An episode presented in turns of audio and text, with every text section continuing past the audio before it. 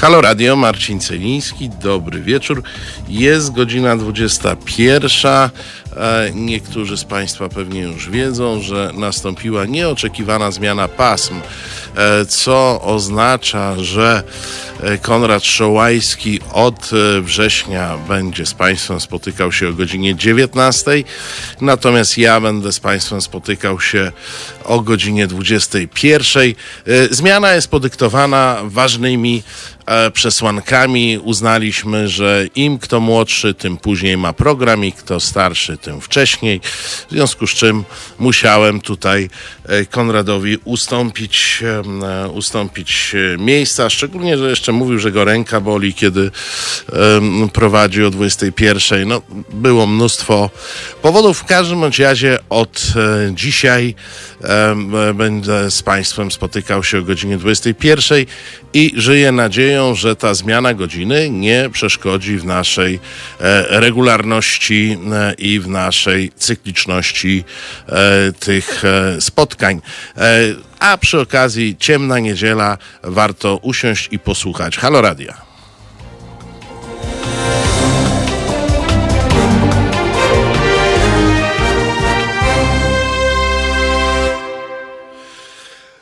No i zaczęliśmy, e, e, zaczęliśmy, proszę Państwa, z przytupem, przyśpiewem, jak to zwykle w Halo Radio, a, a dzisiaj no, będziemy rozmawiać o tematach poważnych. Przez pierwszą godzinę, przez drugą też, ale przez pierwszą godzinę przeniesiemy się na chwilę do Stanów Zjednoczonych Ameryki Północnej.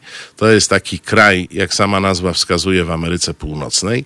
W tym kraju 3 listopada obywatele będą głosować w wyborach prezydenckich, konkretnie wybierać e, elektorów, którzy zdecydują o tym, kto e, będzie e, kto będzie prezydentem przez kolejną kadencję, czy nadal to będzie Donald e, Trump, e, czy może Amerykanie zdecydują się na zmianę, zmienią na jakiegoś prezydenta z mniej bujną grzywą i o tym będę rozmawiał z naszymi gośćmi, których już mamy. A, program realizuje Filip, który teraz pomacha, żebyście wiedzieli, że to naprawdę, że to naprawdę on i odpowie na pytanie, czy mamy już gości na linii. E, mamy już e, pierwszego gościa. E, nie wiem, czy Państwu znany, redaktor Jakub Dymek, kulturoznawca a jednocześnie znawca Stanów Zjednoczonych i autor znakomitej książki Nowi Barbarzyńcy, której duża część poświęcona jest Stanom Zjednoczonym i alt-prawicy w Stanach. Dobry wieczór, Jakubie. Dobry wieczór Marcinie, dobry wieczór słuchaczom i słuchaczkom Halo Radio. A, mm, e, słuchaj, od razu tu strzał, pan Piotr pisze, panie redaktorze, USA to Związek Państw, coś jak Unia Europejska, ale jeszcze większa in integracja. Panie Piotrze, ja bym chciał, żeby Unia Europejska była tak zintegrowana jak Stany e, Zjednoczone, a ty Kuba? Ja bym wręcz e, odwrotnie bał się sytuacji, w której Unia Europejska byłaby tak zintegrowana jak Stany Zjednoczone, gdzie w jednym stanie można e, wozić legalnie w e, bagażniku, ba, w schowku na rękawiczki pistolet, a po przekroczeniu granicy tego drugiego stanu staje się to automatycznie przestępstwem i dochodzi do wielu, wielu e, naprawdę niepokojących sytuacji na a tym to, tle. Decentralizacja to, jest... Stanów ale to jest akurat analogiczne do Unii Europejskiej. E, w Holandii wejdziesz do coffee shopu. Halo, halo. E, w Holandii wejdziesz do coffee shopu i zapalisz sobie spokojnie e, trawę, a w Polsce jak będziesz miał trawę w kieszeni, to cię skują i wrzucą do aresztu. Halo? Nie, nie, nie zdążyłem zapytać, gdzie nasz gość... Tak, tak, przepraszam, na sekundkę, na sekundkę mnie tutaj coś rozłączyło, ale ale czy ty mnie słyszałeś, a teraz słyszysz? Halo? Teraz się cały czas słyszę. Przepraszam Państwa, za na chwilę musiało nas coś przerwać. Po- halo, halo, ja Cię słyszę. Po, porównałem sytuację z bronią do sytuacji z marihuaną, gdzie e, w Holandii sobie w coffee shopie spokojnie zapalisz, a w e, Polsce wrzucą cię do e, radiowozu, jeżeli przy tobie znajdą, jeżeli przy tobie znajdą jakąś działkę. No to to jest analogiczne do Tak, choć różnica jest taka, że choć, choć różnica, różnica jest rzecz jasna taka, że jointem można zrobić krzywdę co najwyżej sobie, a niebezpieczną e, bronią i niejasnym wokół niej prawom e, e, wielu, wielu innym osobom. Ale to był e, rzecz jasna żart dotyczący, czy, czy taka ironiczna uwaga dotycząca tego po prostu, że olbrzymia decentralizacja Stanów Zjednoczonych to historyczne e, dziedzictwo federacji, która kształtowała się przez wiele dziesięcioleci i gdzie po prostu bardzo różne rozbieżne interesy i w ogóle pojęcia tego, czym jest wolność, obywatelstwo, e, przekładają się dziś na to, że nawet sprawy tak wydawałoby się oczywiste, bo o tym będziemy rozmawiać, czyli wybory prezydenckie. Sprawą oczywistą nie jest, bo i system e, wyboru prezydenta przecież e, jest właśnie skutkiem tego, że stan stanowi nierówny i taka choćby prosta i zrozumiała jak u nas zasada, że ten, kto zdobywa więcej głosów, wygrywa, nie obowiązuje w Stanach Zjednoczonych. Jak już, się o czym nie wszyscy wyrywasz, y, jak już się wyrywasz do odpowiedzi, to dam ci opowiedzieć o systemie e, elektorskim, czyli o tym sy- systemie pośrednim e, wyboru. Bo 3 listopada nie wybieramy tak naprawdę, nie wybierają Amerykanie tak naprawdę prezydenta, tylko wybierają elektorów. Opowiedz o tym. To jest bardzo niedemokratyczny i niezrozumiały z naszego europejskiego punktu widzenia system, w którym rzeczywiście obywatele i obywatelki w poszczególnych stanach oddając głosy przy urnach lub wysyłając je pocztą, wybierają elektorów. Ci elektorzy są em, ostateczną instancją, która prezydenta wybiera, a każdy stan ma przypisaną ich e, liczbę i to liczbę, która nie musi wprost e, wynikać z ludności, czy liczebności populacji e, danego stanu. To jest właśnie niestety to dziedzictwo e, epoki To niewolnictwa w Stanach Zjednoczonych, gdy Dlatego, że południe chciało mieć e, więcej głosów i choć nie traktowało niewolników jako ludzi, chciało, żeby e, e, traktowano ich stany jako równie ludne, jak te stany północy. I w związku z tym wypracowano taki, taki koszmarny kompromis, związku, dzięki któremu stany południa uzyskiwały trzy piąte człowieka za jednego niewolnika e, przebywającego w danym stanie, e, bo po prostu chciały mieć tych, tych elektorów, Ale- tych głosów ale e, czekaj, więcej. Ale rozumiem, że niewolnictwo w Stanach jednak zostało zniesione już. A system elektorski nie. temu. I dlatego mówimy. Tak, dokładnie. A system elektorski nie. A do dzisiaj e, te wybory pośrednie, które faworyzują e, Stany Południa, obowiązują. Do dzisiaj może dojść do takiej sytuacji i doszło do niej właśnie 4 lata temu, gdy jeden z kandydatów Wtedy była to kandydatka Hillary Clinton, uzyskuje więcej głosów w całych Stanach, ale przez to, że zliczane są nie głosy obywateli, a właśnie ta liczba elektorów, to można wybory przegrać. To się właśnie 4 lata temu stało. E, I dlatego mówimy o długim trwaniu e, właśnie nierówności wynikających e, z niewolnictwa jako instytucji w Stanach Zjednoczonych, bo ten system elektorski nam o tym, co, co wybory przypomina, no, że południe wywalczyło sobie taką koncesję i że do dziś e, nie chce się tego archaicznego systemu pozbyć. A on jest skomplikowany, on jest e, nie tylko niezrozumiały dla nas e, w Europie, ale on generuje wiele innych problemów, bo kandydaci na przykład przestają prowadzić kampanię, na przykład w niektórych stanach, jeżeli wiedzą, że tam liczba głosów elektorskich po prostu jest zbyt mała, żeby się do czegoś, do czegoś mogły przydać, albo gdy wiedzą, że na pewno przegrają. To wszystko rodzi ze sobą wiele, wiele, wiele różnych problemów, e, a rozwiązanie, takie jak znamy my w Polsce, e, mogłoby je wszystkie jednym zdecydowanym ruchem przeciąć. Ale do dziś się na to Amerykanie nie zdecydowała. Być może w drugiej części audycji pozwolę Ci udowodnić e, tezę wyższości polskiego systemu nad amerykańskim, jeśli chodzi o wybór e, prezydenta, a może nawet udowodnisz, że my dokonujemy lepszych lepszych wyborów niż e, Amerykanie. Niedawno żeśmy e, wybierali, ale tymczasem muszę obwieścić e, zwycięstwo nasze nad techniką. Jest z nami drugi gość, Marcin Wojciechowski. Halo. Dobry wieczór, witam. E, no to teraz do obu was, ale zaczynając od, od Marcina, pytanie już konkretne o te wybory.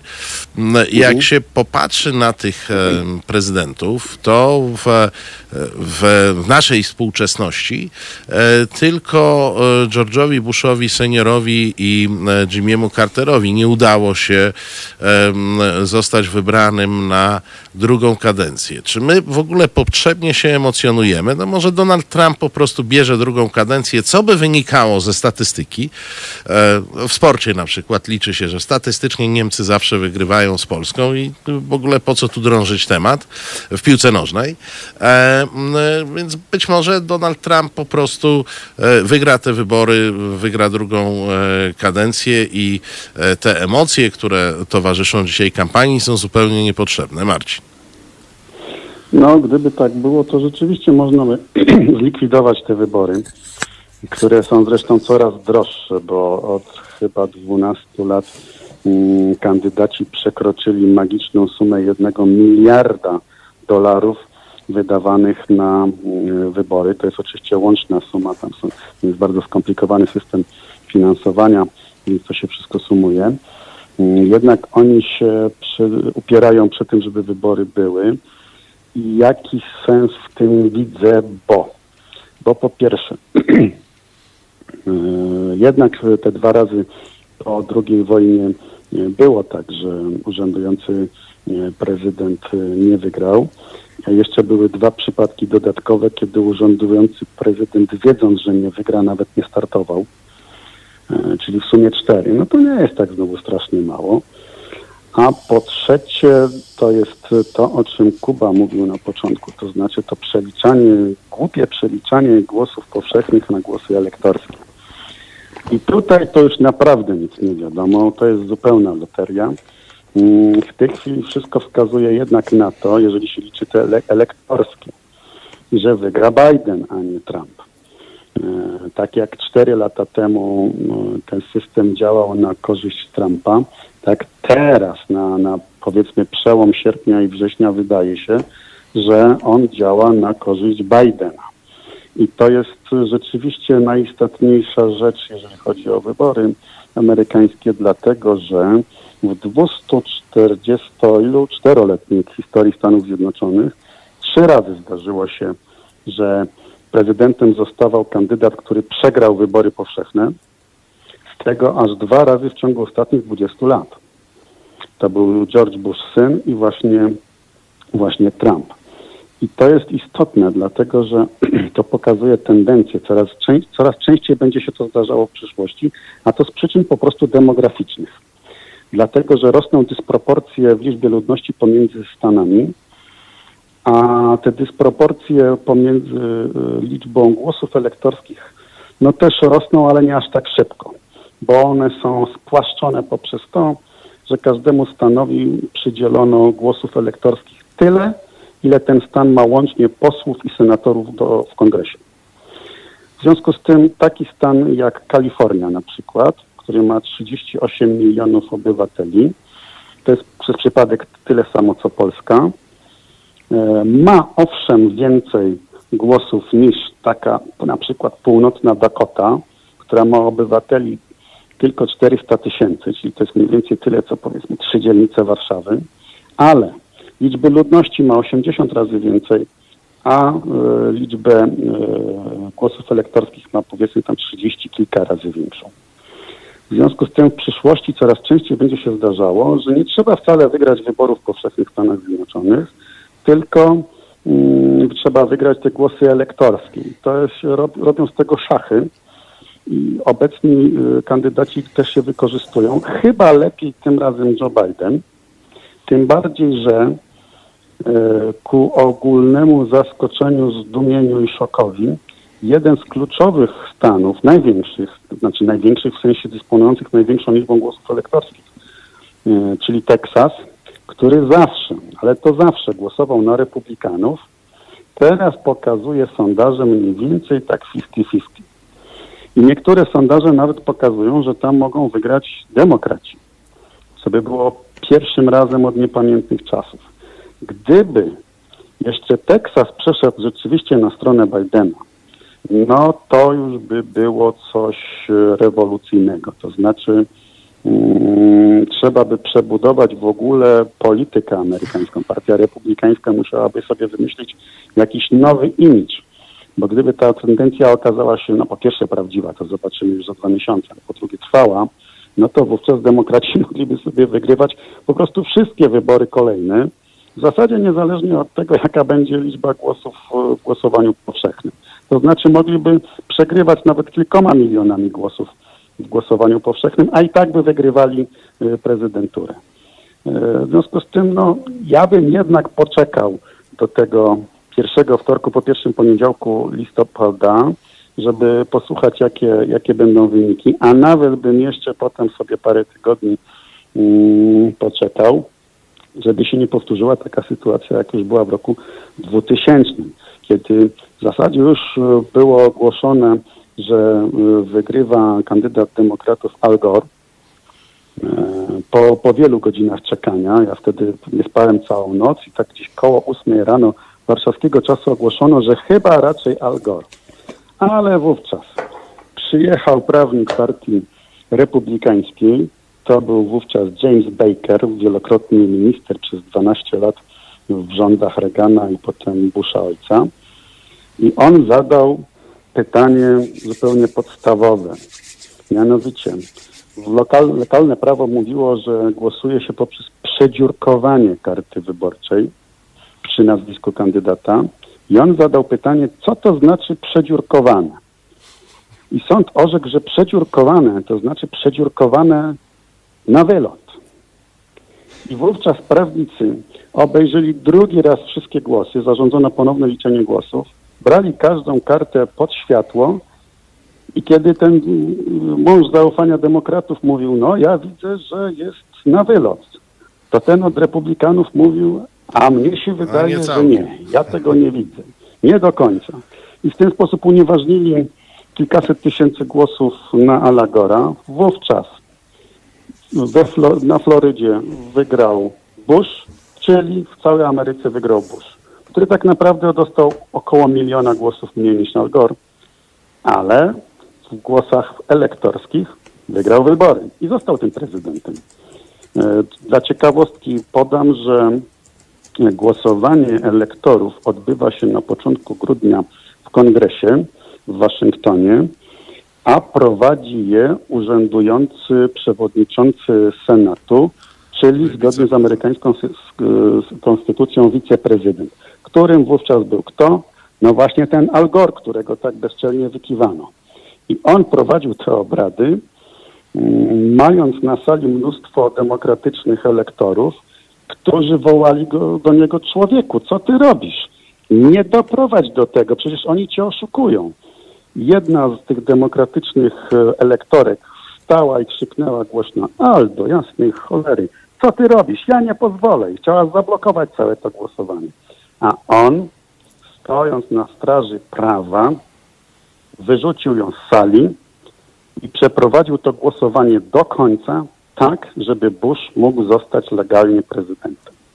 Opłacił to zresztą bardzo ciężką utratą zdrowia, ale taka jest w Stanach Zjednoczonych kultura prawna, że jeżeli coś takiego zostało e, przeprowadzone i zatwierdzone przez sądy, to potem już się tego nie podważa.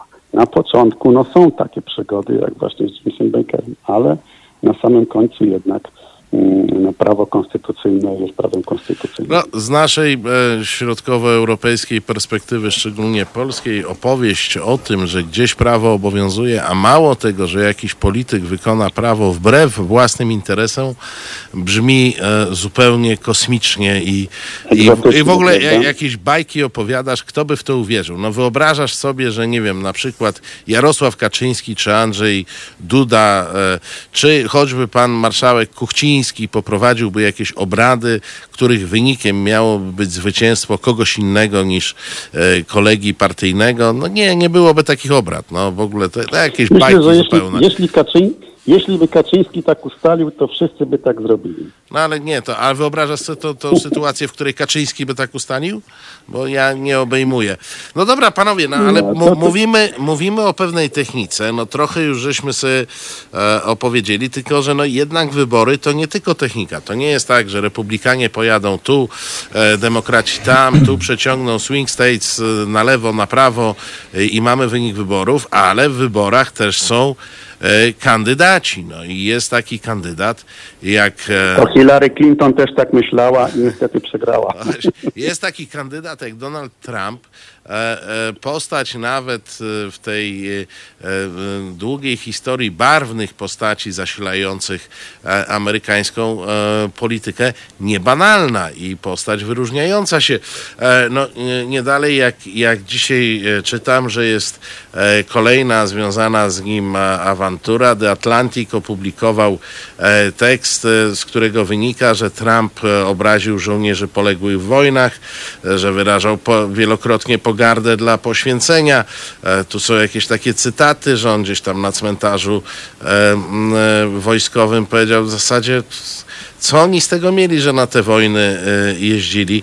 No i jest to wyjątkowy jednak prezydent Stanów Zjednoczonych i czy ta jego wyjątkowość kiedykolwiek zacznie mu realnie szkodzić, Kuba?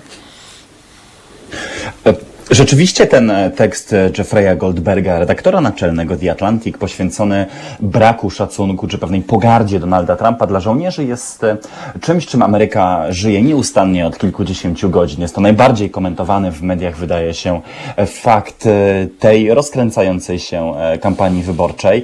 Ja sam popełniłem taki tekst dla Newsweeka w Polsce, zastanawiający się właśnie nad tym pytaniem, czy to, czy te wypowiedzi, które przypisywane są Trumpowi na temat żołnierzy wojskowych, właśnie bohaterów wojennych, ofiar wojen, weteranów, mogą mu zaszkodzić? I moja odpowiedź e, brzmi w e, najkrótszy z możliwych e, sposobów. Nie. Ja niestety być może dla debaty amerykańskiej i z nieco rozczarowanego punktu widzenia jednak udowadniam, że wyborcy Donalda Trumpa i w 2016 roku, i w 2020 roku wiedzą, jakim jest on człowiekiem i jakakolwiek e, wypowiedź, jak wulgarna by ona nie była, jak oburzająca by ona nie była, jak bardzo nie naruszałaby obecnych w amerykańskiej polityce tabu, nie będzie w stanie ich od tego kandydata odwieść. Więc e, e, niestety tu wracamy z powrotem do matematyki i do tych szachów, o których e, wspomniał e, również Marcin. No, są rzeczy wielkie, są rzeczy oburzające, są rzeczy, które porywają nasze serca, a koniec końców, niestety, choćbyśmy się na to bardzo oburzali, amerykańskie wybory ostatecznie sprowadzają się do bardzo brutalnej, bardzo precyzyjnej i bardzo niestety zdehumanizowanej wojny pewnych wyborczych algorytmów. A, Marcin, jak, jak to- myślisz, no to, to ja- to jest, ja- jest ja ten was- Trump teflonowy? Ja was jeszcze przebiję, bo jest jeszcze nowsza sensacja, która ukaże się pojutrze we wtorek. Y, mianowicie, ja już sam się śmieję, jak, jak zaczynam o tym mówić. Y, były prawnik y, y, Trumpa właśnie opublikował książkę. Ona wejdzie na rynek właśnie we wtorek, dlatego że w poniedziałek. Przepraszam, jest tylko jedna dygresja. Zdaje się, że praca w administracji Trumpa służy tylko po to, żeby e, wylecieć stamtąd i napisać książkę. Bo mam wrażenie, że tam takie ścieżki kariery już w Stanach piszą. No, załapać się I do administracji temu, Trumpa, tak, a potem wydać temu- książkę. Dokładnie. Dzięki temu wiemy bardzo dużo o, o Trumpie. Nawet to, że wtedy, kiedy jeszcze nie był prezydentem, a prezydentem był Obama, Trump tak strasznie nienawidził Obamy, że zat- zatrudnił jego sobowtóra, ubrał go w garnitur i przypiął mu w klapie ten pin z amerykańską flagą, tak że ten człowiek rzeczywiście wyglądał identycznie jak Obama. Jest zdję- zdjęcie, widziałem, no faktycznie. I sadzał go przed sobą i go regularnie ochrzaniał, po czym krzyczał wywalam cię, wolnij stąd. I ten człowiek brał za to pieniądze. No więc y, Trump rzeczywiście jest, y, jest y, powiem tak, kiedyś Jasienica rozpoczął jeden ze swoich esejów historycznych takim zdaniem w, w gu- długiej galerii y, brytyjskich premierów bałwanów Lloyd George zajmuje miejsce szczególne. No więc można by coś takiego powiedzieć teraz o Trumpie, ale zgadzam się z Kubą, że jemu to po prostu nie szkodzi. Jego notowania są pomimo to całkiem wysokie i wydaje mi się, że nie wszyscy w Stanach Zjednoczonych odbierają te jego wyskoki jako gafy. To znaczy dla bardzo wielu wyborców to jest coś, co zaliczają mu na plus. Uważają, że to jest przede wszystkim polityk, który jest szczery. On nie kręci. On, on kiedy występuje, to jest rzeczywiście taki, jaki jest. Mm, mają pretensje do, do wszystkich polityków w USA od dawna, że to nie są ludzie, tylko jakieś cyborgi wygłaszające jakieś okrągłe zdanka, które wynikają im z czytania sondaży. A Trump jaki jest, taki jest. On się może mylić, on może nieraz powiedzieć coś głupiego, ale przynajmniej szczery, jest autentyczny i on tym wygrywa. Druga rzecz. Trump doszedł do władzy w dużej mierze dlatego, że kopniakiem rozwalił instytucję, która w Stanach Zjednoczonych przez część społeczeństwa jest uważana za świętą, a przez część za, jest znienawidzona, to znaczy polityczną poprawność. Jego sondaże skoczyły w górę w czasie jeszcze prekampanii w 2016 roku, kiedy podczas debaty telewizyjnej jeszcze kandydatów na kandydata partii republikańskiej zwrócił się do jednej z pań kandydujących, mówiąc publicznie, jesteś tak brzydka, że żadna operacja plastyczna ci nie pomoże. Zresztą do innych kandydatów zwracał się w, w sposób podobny. To się w Stanach zaczęło podobać. O, Amerykanie wtedy zobaczyli, że Trump nie obiecuje, że rozwali poprawność polityczną i w ogóle cały ten system wartości, które lewicowo-liberalne elity, czyli tak zwane waszyngtońskie bagno, bo tak to nazywał e, Trump, e, wcielają w życie, tylko on to już robi. On to już robi. Ta jego autentyczność, ta jego spontaniczność doprowadziła do tego, że ludzie zobaczyli coś świeżego, coś za czym poszli. I to cały czas jest jego siłą. W ciągu trzech, no już prawie czterech lat prezydentury zdarzały mu się niejednokrotnie gafy i to nieraz potworne. I, i jest ciekawe, y, jak reagowali Amerykanie, jak, jak wskazywały sondaże. To jest krótkotrwałe rzeczywiście y, obniżenie sondaży na około miesiąc, po czym wszystko wraca do normy. Na przestrzeni tych czterech lat sondaże Trumpa jednak bardzo powoli, ale jednak poszły w górę. W pierwszym roku to było niecałe 40, około 39% tego approval. Potem to było 40-42 i tak wzrosło. Ostatnio to jest 45-46. Czyli to wcale nie jest źle. Pomimo, że tak jak mówię, e, różnych gaf, które on popełniał, a wydaje mi się, że oprócz tego, że on się wydaje Amerykanom cały czas świeży i autentyczny. Druga rzecz jest taka, że on dał Amerykanom zarobić. Mm, trochę dzięki niemu, a trochę z ogólnej sytuacji ekonomicznej wyniknęło, że Amerykanie przez te cztery lata wzbogacili się i to rzeczywiście bardzo mocno. E, poszli do sklepów, zaczęli kupować w internecie, w telewizji pokazywano zdjęcia kolejek do tych gigantycznych zresztą centrów handlowych. Ludzie stali w kolejkach jeszcze przed tymi wózkami, a z drugiej strony wychodzili z wózkami wypełnionymi tymi zakupami. No i co prawda, jak Trump gadał głupoty, no ale jednak góra zakupów w tym wózku rosła. I koniec końców te jego y, y, notowania wracały do normy. Teraz było zachwianie w związku z tym, że sytuacja gospodarcza mm, no już nie jest tak dobra, jak była. Na wiosnę nawet y, to tąpnięcie było dosyć wyraźne, około mniej więcej w maju. Natomiast teraz znowu ma te sondaże całkiem przyzwoite, ponieważ okazało się, że mm, kryzys gospodarczy związany z, z epidemią dotyka przede wszystkim wielkie ośrodki miejskie które i tak głosują na demokratów, więc to dla Trumpa nie jest żadna różnica. W ogóle pandemia raczej w mniejszym stopniu dotknęła te rejony, które zwyczajowo głosują na republikanów, a już na pewno na Trumpa, czyli powiedzmy stany prowincjonalne, rolnicze i tak dalej. W związku z tym gospodarczo też, no, no na pewno odczuwają tam jakieś, jakieś niewielkie pogorszenie, ale to pogorszenie stanowcze jest odczuwalne w stanie Nowy Jork, w Kalifornii i w stanie Waszyngton. Wszystkie trzy głosowały na demokratów. Panowie, e, szybkie pytanie do Was. Ile głosów elektorskich ma Alabama? Nie wiem. Kuba? Nie wiem.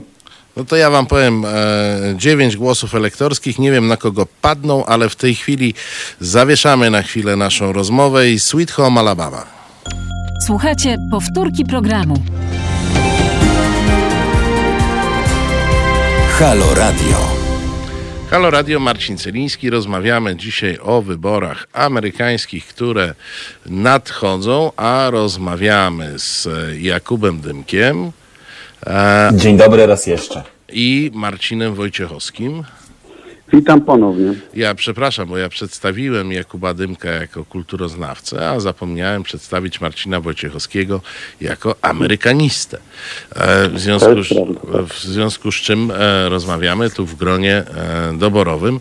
No i teraz was zapytam, jak ludzi własnych specjalności, jak to jest, że Trump, któremu stawia się zarzuty najwyższej e, wagi, bo powiedzmy e, ten sobowtór Obamy do krzyczenia, no to jakiś przejaw psychopatii pewnie, nie? No, nie, nie jest w, w naszej w historii ludzkości psychopata, prezydent czy król nie jest jakimś tam szczególnym zjawiskiem oryginalnym. No ale powiedzmy, prezydent mocarstwa, któremu stawia się zarzut, że został tym prezydentem przy pomocy innego, umówmy się, wrogiego mocarstwa. Mówię to o wyborach sprzed pięciu lat i wpływie Rosjan na amerykańską e, kampanię i raport e, prokuratora Millera. E, no i teraz jeszcze, bo parę tygodni temu czytam, że e, m, próbował Trump dogadać się e, z przywódcą chińskim Mao Zedongiem, tak? Chyba tak się go czyta tam jakoś. E, a nie, przepraszam, to, to, to, no, no, to Xi Jinpingiem. Xi Jinpingiem, no patrzcie. E, e, próbował się dogadać Xi Jinpingiem na temat różnych transakcji, które mogłyby mu pomóc w wyborach, a przecież ten, że mm, Trump przedstawia Chiny jako głównego wroga i, i wręcz dyszy mm, w wystąpieniach publicznych e, ciężką nienawiścią do Chin, a jak przychodzi do wyborów e, prezydenckich, to szuka w tych Chinach e, wsparcia. Chodziło tam o chińskie zakupy, szczególnie żywności, po to, żeby tą tradycyjną bazę Trumpową, czyli kogoś, kogo się nazywa tam redneckami w tych Stanach, trochę im poprawić byt, e, no to to są e, zarzuty na poziomie zdrady stanu i to mu też nie przeszkadza. Kuba, dlaczego? Zarzuty są nieprawdziwe, czy Amerykanie mają to gdzieś?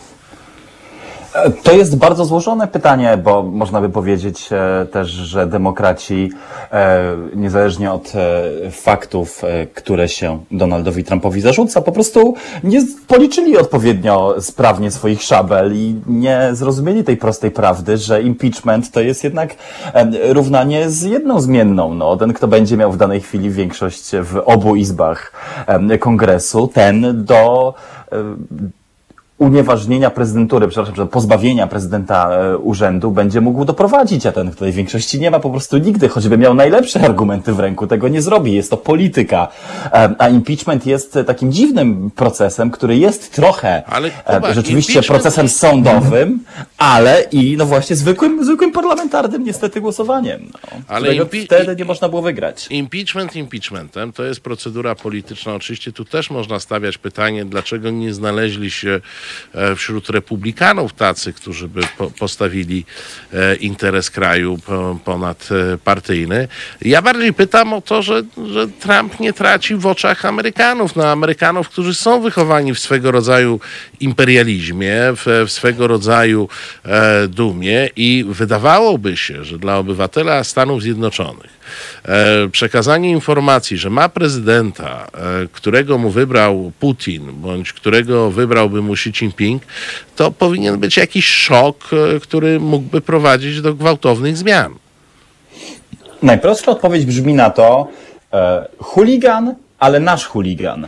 Duża e, część amerykańskiego e, społeczeństwa naprawdę godzi się z tym, że Trump jest prezydentem, który łamie wszelkie dotychczas znane zasady, ale wierzą zarazem, że łamie ich także w ich interesie. I to jest, e, to jest rzeczywiście precedens, bo także ci, którzy deklarują, to są bardzo ciekawe badania profesora Rezy Aslana z Harvardu, nawet ci, którzy deklarują, że kierują się przede wszystkim moralnością w ocenie e, wyborów e, politycznych, znaczy w swoich wyborach politycznych i ocenie polityków, e, gdy tylko zagłosowali na Trumpa, zmienili zdanie i stwierdzili, że wcale się nie kierują, tą moralnością nie kierują i w ogóle ich nie obchodzi moralność kandydata. To mówi nam wiele po prostu o psychologii społecznej stojącej za takimi wyborami. Donald Trump w naszej perspektywie rzeczywiście może wyglądać na kogoś, kto zyskał nadspodziewanie dużo na bardzo szemranych i niejasnych e, układach z e, zewnętrznymi aktorami, ale dla kogoś, kto na tego Trumpa 4 lata temu zagłosował, wygląda to zupełnie inaczej. Wygląda to jak gdyby ich własny prezydent był w stanie paktować z samym diabłem w ich interesie i to się może podobać. Nawet tak kuriozalne wizyty i projekty jak ta z E, najmłodszym z Kimów i Koreą Północną i całą tą e, szaradą zmierzającą do rzekomego rozbrojenia Korei dzięki staraniom dyplomatycznym Trumpa i dawnego koszykarza Chicago Bulls Denisa Rodmana mogła się podobać jako właśnie tego rodzaju chucpa, odwaga i e, husarska wręcz fantazja w podejmowaniu się najdziwniejszych różnych prób, żeby swoją własną, a zarazem i Ameryki pozycję wzmocnić. To wszystko jest niestety, Marcinie, choć chcielibyśmy widzieć to w takich czytelnych, e, etycznych kategoriach, bardzo, bardzo względne i niestety zależy to od punktu siedzenia. Punkt siedzenia tych, którzy oglądają Fox News i którzy swoją codzienną wiedzę o polityce czerpią z prawicowych, konserwatywnych czy wręcz spiskowych fanpage na Facebooku, po prostu będzie radykalnie inny, a e, zamykanie się w bąbelkach, e, do którego, e, do którego niestety tak bardzo ta debata publiczna zmierza, tylko ten proces będzie przyspieszać. E, Marcin, czyli to nie ma znaczenia, tam jest też doktryna naszyzmu, jak w Polsce, że jak partia, kandydat e, dąży do władzy, to wolno mu wszystko i, i, nie ma już takich granic, e, których nie można przekroczyć, czy to po prostu świadomość faktu rosyjskiej, rosyjskiego włamania, penetracji serwerów partii demokratycznej i tak dalej jest, jest niska? Tak, przed chwilą powiedziałeś, że Amerykanie są wychowani w imperializmie. Nie, na to się nie zgodzę. W dumie narodowej tak. W poczuciu specjalnej misji e, w świecie na pewno tak. Natomiast imperializm to jednak jest coś innego i, no, tutaj muszę zaprotestować. Natomiast jak to jest... Odnotowałem, że zaprotestowałeś. Mhm. Natomiast jak to jest, dlaczego on y, jest, został prezydentem, nadal nim jest i jeszcze ma szansę na drugą y, y, kadencję. To jest tak. Trump nigdy, ale to nigdy nie zdobył poparcia większości Amerykanów. Ani w okresie przed wyborami, ani w okresie, ani w samych wyborach, ani kiedy był już prezydentem. Ani razu się nie zdarzyło, żeby osiągnął nawet równe 50% poparcia. Większość Amerykanów była, jest i prawdopodobnie będzie przeciwko niemu i to zdecydowanie, to nigdy nie było 50-50, zawsze większość była przeciwko niemu do tego stopnia, że kiedy rok temu robiono sondaże i już było wiadomo, że Trump będzie startował z ramienia Partii Republikańskiej, ale jeszcze nie było wiadomo, kto będzie startował od demokratów, to zadawano ludziom w sondażach takie pytanie, czy będziesz głosował na Trumpa, czy na kandydata demokratów, ktokolwiek nie zostanie. I 55% odpowiadało, że na każdego, tylko nie na Trumpa. Ktokolwiek zostanie kandydatem demokratów, aby nie na Trumpa. Więc jednak większość Amerykanów zdaje sobie sprawę z tego, co on y, mówi i co, co czyni. Y, Ameryka jest podzielona i to bardzo. Od 1968 roku Stanach Zjednoczonych nie było tak wielkiej liczby manifestacji politycznych i tak licznych jak za kadencji Trumpa i to przeciwko niemu. Przede wszystkim wielkie miasta i wielkie ośrodki e, e, uniwersyteckie Trumpa nie to, że nie lubią, wręcz nienawidzą. Charakterystyczne dla tej kadencji jest coś, czego nie było w zasadzie kiedykolwiek indziej. To znaczy, ta polaryzacja, która jest właściwa dla kampanii wyborczej, nie ustała w dniu wyborów, tylko ciągnie się już 4 lata z hakiem. Zazwyczaj jest tak, że po wyborach prezydent e, łagodzi swoją retorykę, podaje rękę drugiej stronie i jest e, lubiany, rzeczywiście lubiany przez większość społeczeństwa i szanowany. Tutaj tak się nie stało. To jest pierwszy prezydent, e, który zawsze miał 50, 50 kilka procent przeciwników, a w najlepszym przypadku miał, był, był tylko jeden miesiąc w ciągu całej prezydentury, kiedy jego notowania dobiły do 46 i ostatnio znowu są, są e, lepsze. E, to jest w ten sposób, że amerykańskie społeczeństwo jest bardzo podzielone. To jest podział nie tylko polityczny, ale i kulturowy. E, I żyją rzeczywiście, tak jak Kuba powiedział, w dwóch bańkach. Większość oczywiście czyta media, słucha mediów i dociera do nich to wszystko, o czym mówi nie wiem, CNN i wszystkie wielkie stacje i, Washington Post i New York Times.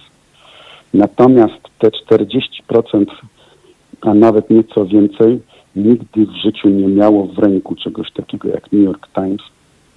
Myślę, że ta gazeta jest bardziej znana w Polsce niż tych wszystkich stanach, powiedzmy, środkowego zachodu.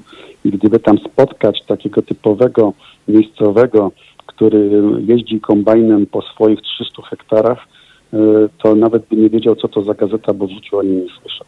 Ci ludzie po prostu tego wszystkiego nie wiedzą. Nigdy w życiu o czymś takim nie słyszeli. Jeżeli słuchają w ogóle jakiegokolwiek radia, to to jest jakieś miejscowe radio podające muzykę country i raz w tygodniu e, e, audycję na temat polityki, którą ta, ta, akurat rozgłośnia kupiła od jakiejś sieci i tam jakiś wojowniczy albo pastor, albo komentator polityczny w rodzaju Mike'a Pensa, który obecnie jest wiceprezydentem, a wyrósł w latach 90. właśnie jako taki autor audycji radiowych, który z pozycji jednoznacznie prawicowych opowiada to, co chce, nie sili się na obiektywizm, nie sili się na bezstronność, nie sili się nawet na symetryzm, tylko podaje jednostronnie, mm, nawet nie opinię, wiedzę o tym, co, co się dzieje. W związku z tym ludzie wiedzą tylko to, co Trump i jego poplecznicy y, chcą, żeby wiedzieli. I nie słyszeli o takich y, sprawach, o jakich ty mówiłeś. Jestem przekonany, że nie cała połowa Amerykanów nigdy w życiu o tym nie usłyszała i nie usłyszy.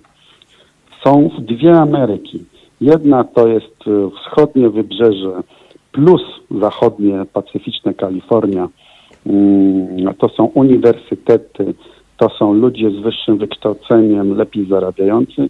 Druga Ameryka, która z tą pierwszą nie ma zupełnie nic wspólnego, to są ludzie żyjący na prowincji, zamknięci w swoich małych społecznościach, chodzący do kościoła oczywiście protestanckiego i cierpiący wiedzę od swojego pastora, plus od tego pastora, który w telewizji albo w, w radiu prowadzi audycję. Koniec, kropka.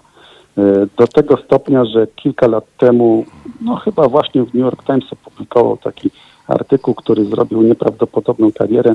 Jeden z autorów zadał pytanie, czy my właściwie, my, czyli ta tak zwana liberalno-lewicowa Ameryka, czy my jesteśmy jednym narodem z wyborcami Trumpa? Co nas właściwie łączy? I zaczął wyliczać, co ich dzieli i tych, tych, tych, tych wartości, które ich dzielą było no znacznie więcej, a to, co ich łączy, to w zasadzie jest zamieszkiwanie w jednym kraju plus język angielski, koniec. No, Tak- tak olbrzymie różnice są powinniśmy, to, powinniśmy to doskonale e, rozumieć, bo w zasadzie jesteśmy mm, w trakcie bardzo e, podobnej dyskusji od e, paru lat na temat Tak, tego. i, to, i to przerwę ci, przepraszam, to nie jest przypadek. To nie jest przypadek. To, co się dzieje w Polsce, nie jest, jest kalką tego, co się dzieje w Stanach Zjednoczonych, nie zbiegiem okoliczności, nie dlatego, że jakieś fluidy krążą w powietrzu w XXI wieku, tylko działacze polityczni polscy, przede wszystkim z Prawa i Sprawiedliwości, jeżdżą do Stanów Zjednoczonych. Tam jest taka jedna wielka fundacja afiliowana przy Partii Republikańskiej, która po prostu szkoli.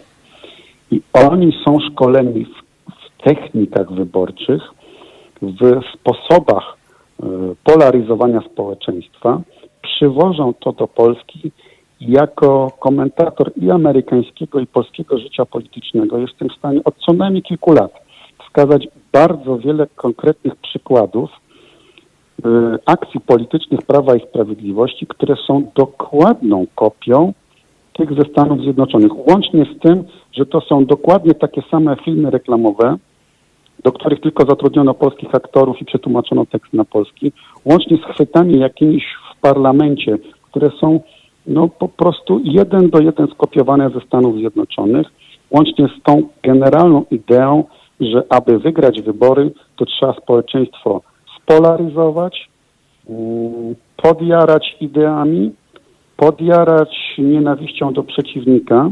Nie trzeba, nie, wcale niekoniecznie trzeba podawać jakichś własnych pozytywnych wartości, tylko mówić o tym, że nasze wartości są zagrożone przez, przez, przez drugą stronę. To jest coś, czym wygrał Trump i nie przez przypadek to samo oglądamy w Polsce. Jak, jak słucham, jak słucham, e, ka, słuchałem kampanii wyborczej sprzed dwóch miesięcy e, Dudy przeciwko Trzaskowskiemu, to to jest w zasadzie dokładnie to, co już od roku mówi Trump o demokratach. To znaczy próba wykreowania przeciwnika na skrajną lewicę, która zagraża naszemu systemowi wartości, który jeśli wygra, to po prostu rozwali na porządek społeczny i nagle obudzimy się nie w naszym kraju, który znamy, tylko w jakiejś zupełnej rewolucji społecznej, obyczajowej, kulturowej. Wszystko będzie inne, wszystko będzie zniszczone. To jest dokładnie kopia tego, co, co od lat mówi i robi nie tylko Trump, ale całe jego środowisko w Stanach Zjednoczonych istniejące od no, kilkunastu lat, jeśli nie od lat 90. i prowadzące swoje, e, swoją działalność polityczną na bardzo wielu płaszczyznach.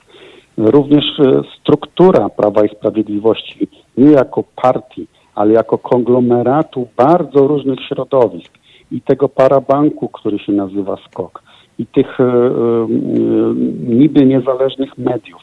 To wszystko jest po prostu kopią czegoś, co w Stanach Zjednoczonych wymyślono, zaimplementowano, następnie opisano w strukturalny sposób i teraz są no, prawie że podręczniki działania politycznego, które są kopiowane między innymi w Polsce, a nie tylko.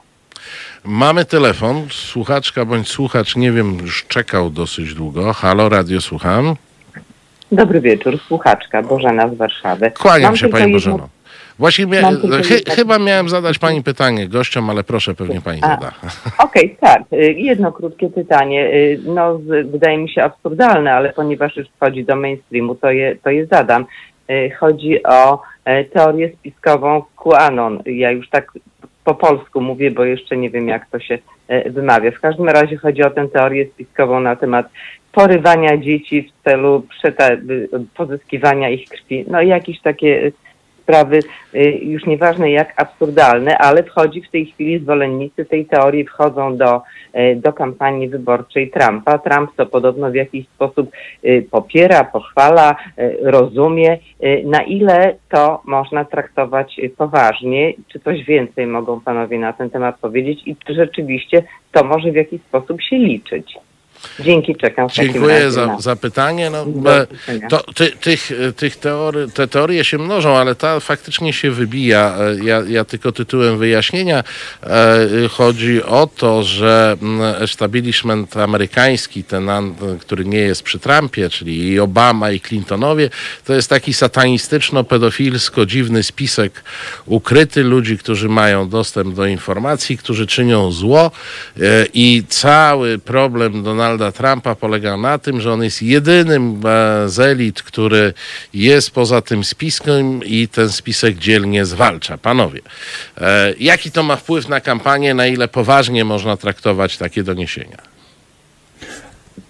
Teoria QAnon e, ma na tyle wpływ na kampanię, że pokazuje em, ten doskonały zmysł Donalda Trumpa, a przede wszystkim jego sztabowców do otwierania się na e, radykalne marginesy prawicowej e, sceny politycznej i wchłanianie ich e, żywiołowej, takiej spontanicznej energii w tą e, partyjną machinę. No, ta altprawica, którą Marcin przywołałeś na początku, a której ja poświęciłem w swojej książce rzeczywiście trochę uwagi, była dokładnie symetrycznym fenomenem te 5-4 lat temu. To znaczy ruchem, który przecież wynikał z jakiejś e, szczerej energii, z uczuć, które były e, prawdziwe, z e, nienawiści do establishmentu, która była bardzo prawdziwa i nikt nie musiał tym tego odgórnie wzniecać czy wymagać, wzmagać, bo to kręciło się samo w internecie, w forach obrazkowych typu Reddit czy 4chan na Facebooku, na Twitterze, e, a e, kampania Donalda Trumpa, wtedy prowadzona przez Steve'a Bannona, wystarczyło, że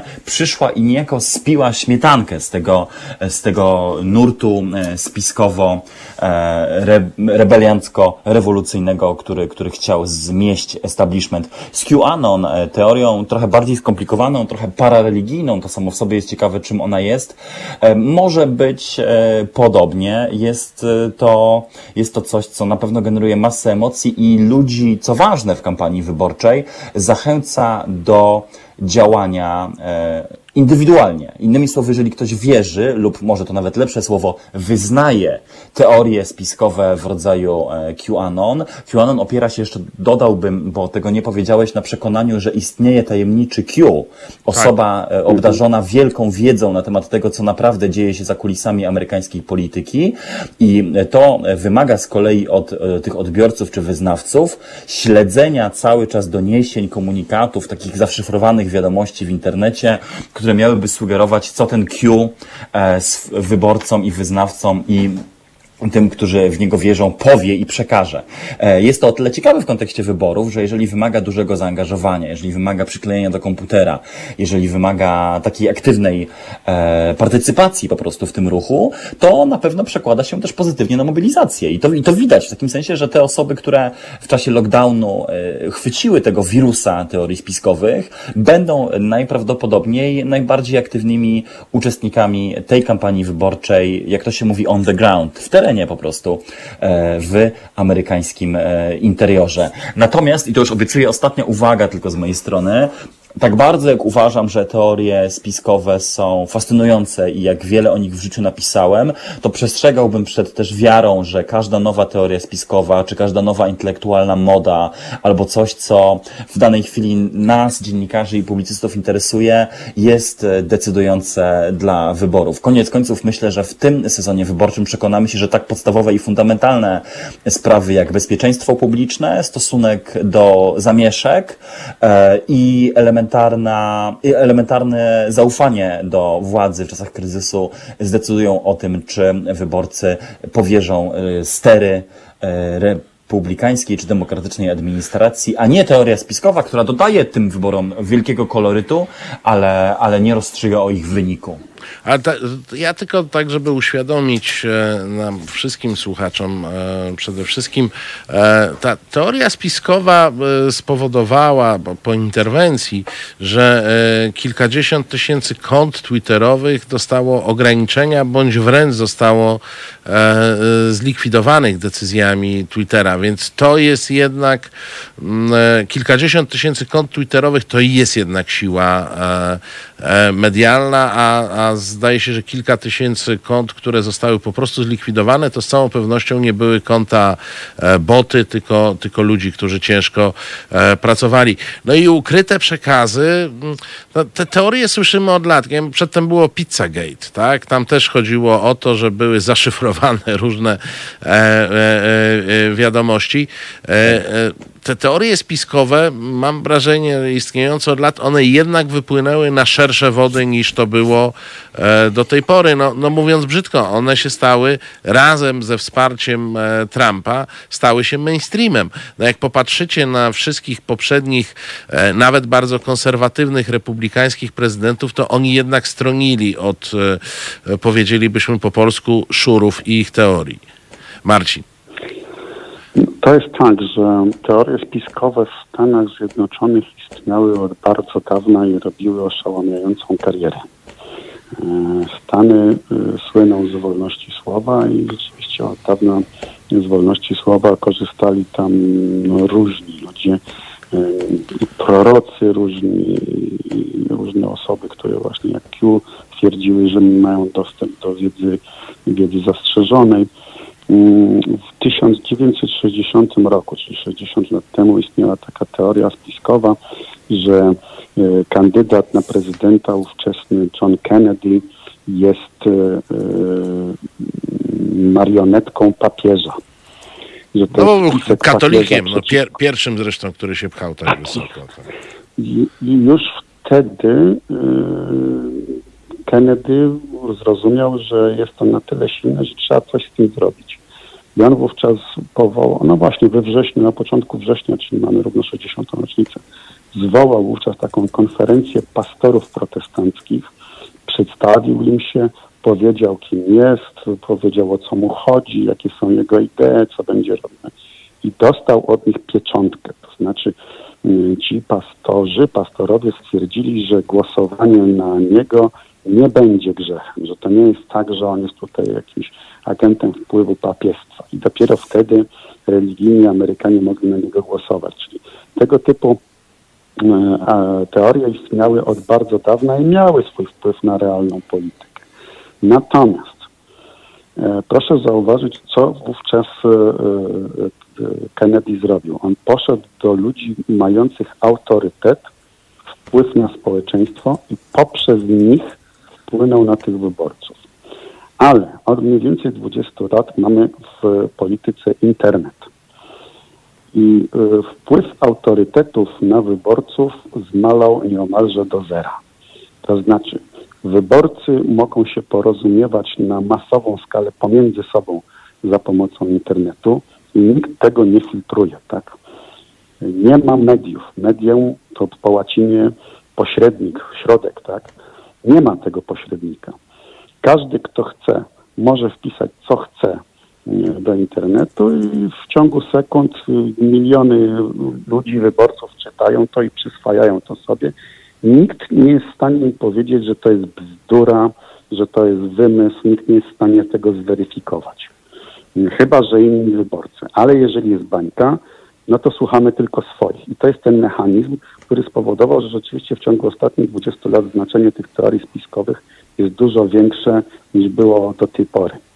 Mm, Co ciekawe, posługują się nimi obie strony sporu politycznego. To znaczy, mm, trudno powiedzieć, czy ta druga strona rzeczywiście w to wierzy, ale stara się zarazić e, właśnie tych wierzących w teorie spiskowe tym, że właśnie Trump jest e, rosyjskim agentem tak naprawdę, że on wiedział od początku, e, tam są podawane e, no, bardzo konkretne i niektóre zresztą całkiem prawdziwe dowody na to, że cała kampania Trumpa była wykreowana przez Kreml, że on był w ogóle prowadzony przez, przez konkretną agentkę rosyjską, Mm, były połączenia telefoniczne.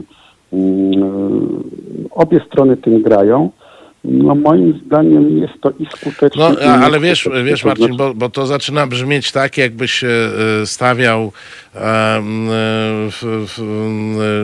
jakąś, robił jakąś symetrię między teorią pod, pod tytułem spisek pedofilii satanistów, a ustalenia choćby z rosyjskiej ruletki językowa realnych kontaktów Trumpa i jego otoczenia z, z tak, ludźmi ale, rosyjskiego tak, wywiadu. Ale ob, ob, tu symetrii ob, chyba nie ma, to zaznaczmy to. Obie strony korzystają z rzeczywistych faktów. To nie jest tak, że te, e, że te mm, spiskowe teorie są wyssane z palca całkowicie. Obie strony posługują się faktami, posługują się zdjęciami, na których rzeczywiście widać, że wojsko e, Narodów Zjednoczonych e, jest świetnie wyposażone.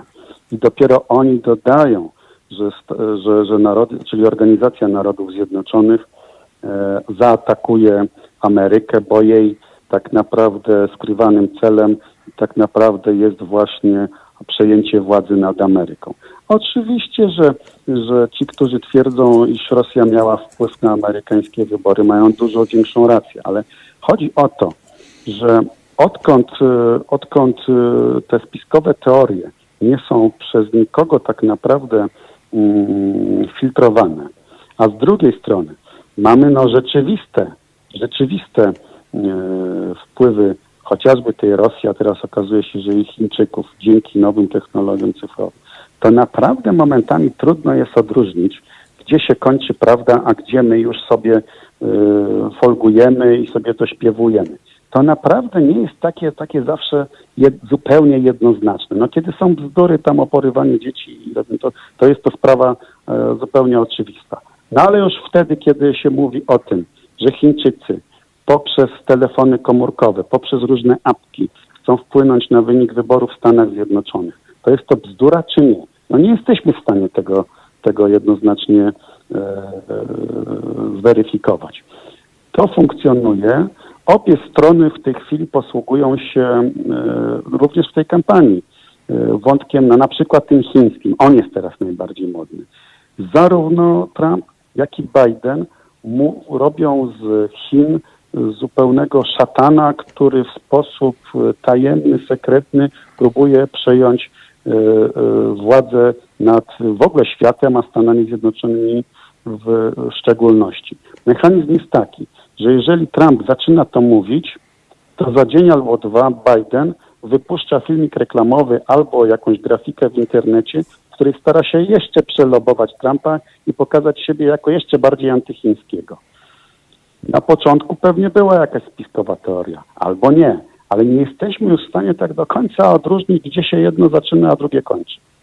No, ja myślę, że w pewnych e, kwestiach, to my jako obywatele, bez jakiejś takiej szczególnej nadwiedzy w, w, poszczególnych sektorach, e, to w bardzo wielu sprawach nie jesteśmy w stanie wyrobić sobie zdania, a od momentu, kiedy odrzucamy autorytety spośród tych, którzy mogą mieć własne zdanie na ten temat, no to w zasadzie jesteśmy w tej takiej próżni e, informacyjnej, bo e, jak podajesz e, przykład typu e, Chińczycy, internet, aplikacje i tak dalej, to z jednej strony wiadomo, że Chińczycy mogą e, wpływać, natomiast oczywiście nie wiemy, czy to robią, bo to mogą wiedzieć tylko ludzie z wysoko specjalizowanych służb, a tym ludziom na wszelki wypadek nie wierzymy, sam Trump im nie wierzy i podważa ich wiarygodność na, na każdym kroku.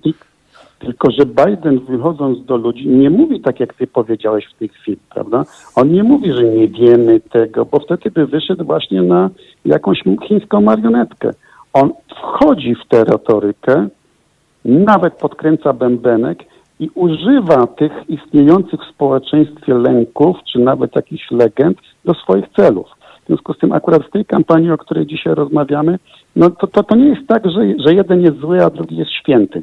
Obaj w tę grę wchodzą i nikt, żaden z nich nie chce powiedzieć, gdzie są kompletne bzdury, gdzie należy popukać się w czoło. No ale to myślę, że to, to już jest głosu. specyfika kampanii jako takiej, ja myślę, że tu już tak podsumowując, e, e, e, większy problem jest nie w tym, jak kto robi kampanię, tylko kto we własną kampanię wierzy. I mam wrażenie, że akurat tutaj Trump wierzy często w tezy własnej kampanii.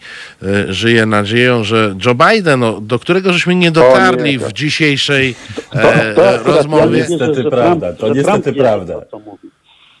A, e, Nie, nie wierzę w to, że Trump wierzy w to, co mówi. To jest człowiek, który u, mówi po prostu to, co mu się Nie, no on, opłaca. on jeszcze, w danej on jeszcze chwili. jest tym przypadkiem, że on często chyba nie wie, co mówi. E, A to też prawda. ale to insza.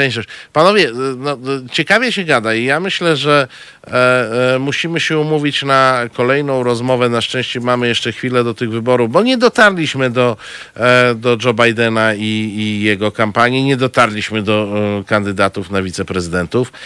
Mało tego, dla porządku dodam, że nie dotarliśmy dla kontrkandydatów innych, poza obu głównymi, o, nie dotarliśmy do Joe Jorgensen, Howie Hawkinsa, e, Glorii Lariwy, e, ale to jest temat na nasze następne spotkanie. Mam No nadzieję, właśnie, że... bo powiedzmy na koniec, że ta kampania się jeszcze nie zaczęła. Ona się zaczyna tradycyjnie następnego dnia po amerykańskim święcie pracy, czyli w tym roku zacznie się dopiero pojutrze.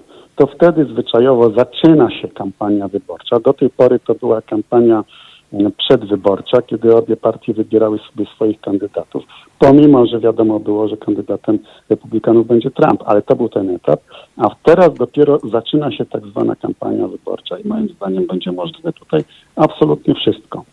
Dopiero absolut, na najbliższe dwa miesiące pokażą, e, kto wygra. absolutnie wszystko, to, to, to absolutnie wszystko, to rozumiem, że może na przykład wygrać Rocky de la Fuente. To, Myślę, to, że- myślę, że jeżeli mogę się wciąć- najmniej, No, ale no. wcale by mnie to nie zdziwiło, biorąc pod uwagę, że cztery lata temu wszyscy byli pewni, że wygra pani Clintonowa. Prawda? To już było na 100% pewne. I dopiero kiedy w, w wieczór wyborczy napływały wyniki z, z kolejnych stanów i okazywało się, że coraz więcej stanów zagłosowało na Trumpa, to, to okazało się, że on rzeczywiście może wygrać. Podobno nawet nie miał przygotowanej, y, przygotowanego przemówienia, w którym y, po, po, po, po, powiedziałby, że, że wygrał i, i, i na, to. na gali Miał Oscarów każdy przygotowane tak tylko mówi. Miał przygotowane przemówienie, w którym powiedział, że przegrał dlatego, że wyniki były sfałszowane. E, Kuba, na podsumowanie. E, Ja rz- rzeczywiście żałuję bardzo, że nie dotarliśmy do e, wątku zarówno e, samego pomysłu Joe Bidena na kampanię, jak i tego, o czym te wybory tak naprawdę będą, bo to moim zdaniem jest fascynujące.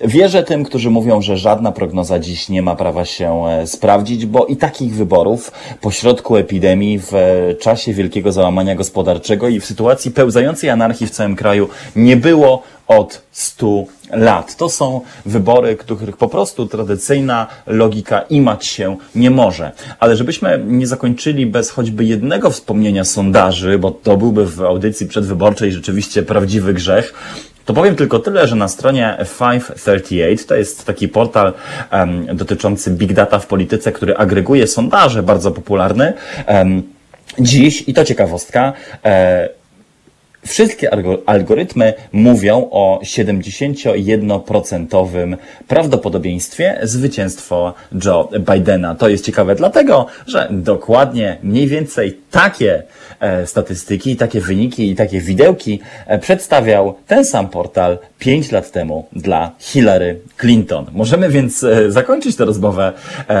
i jednocześnie otworzyć się na przyszłe spotkania w temacie kampanii. Tym starym, a jakże prawdziwym porzekadłem wiemy, że nic jeszcze tak naprawdę nie wiemy. A poza tym, jak przy, przy, przypomniał Marcin, kampania dopiero się zacznie. E, panowie, ja już z wami się umawiam e, wstępnie na kolejną rozmowę w sprawie tej kampanii.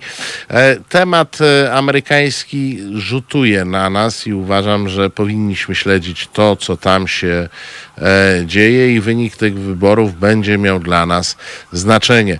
E, dzisiaj wam bardzo dziękuję za to, że znaleźliście czas. Naszymi gośćmi był Jakub Dymek i Marcin Wojciechowski. Dziękuję wam pięknie. Dziękuję bardzo. Dziękuję również za Dziękuję. zaproszenie. Dobrego wieczoru Tobie Marcinie i Tobie Marcinie i Państwu. Wzajemnie. Wzajemnie. Wszystkiego dobrego. E, e, myślcie dalej o tej e, Ameryce, a my w tej chwili o, pomyślimy o kobietach i zagramy sobie nawet skocznie, a potem e, wracamy z podsumowaniem tygodnia. Słuchajcie powtórki programu. Halo Radio. Halo Radio, Marcin Celiński. Wróciliśmy. Przedłużyliśmy trochę rozmowę e, e, o e, wyborach amerykańskich, ale mam wrażenie, że jest niedokończona i że te procesy, które w Stanach zachodzą, są procesami, które, jak mówili moi goście, przeważnie za chwilę pojawią się też w Polsce i te techniki kampanii wyborczych, e, mimo różnego systemu, bo ten system elektorski jest e, inny, e, powodują e, e, powodują e, no, pewną unifikację działań politycznych.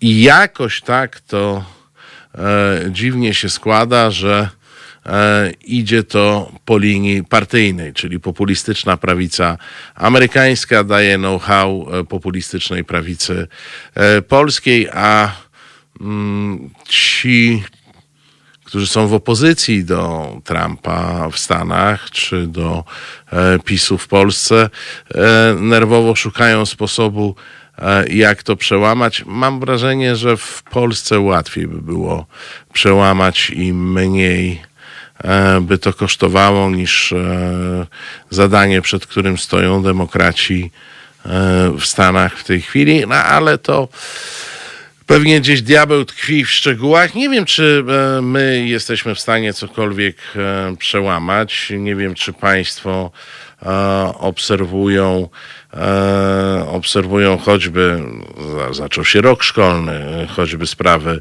edukacji. Myśmy także na tej antenie e, sobie rozmawiali e, o tym, jak pan minister Piątkowski, ten z błędem ortograficznym e, w nazwisku, e, w ciągu dwóch tygodni o 180 stopni e, zmieniał swoje stanowisko co do nauczania. Najpierw miało być, miała być dowolność nauczania stacjonarnego, hybrydowego bądź zdalnego. Potem się okazało, że musi być tylko i wyłącznie nauczanie stacjonarne. Mamy już pierwsze e, chyba dwie szkoły zamknięte, bo okazały się być e, siedliskiem e, e, wirusa.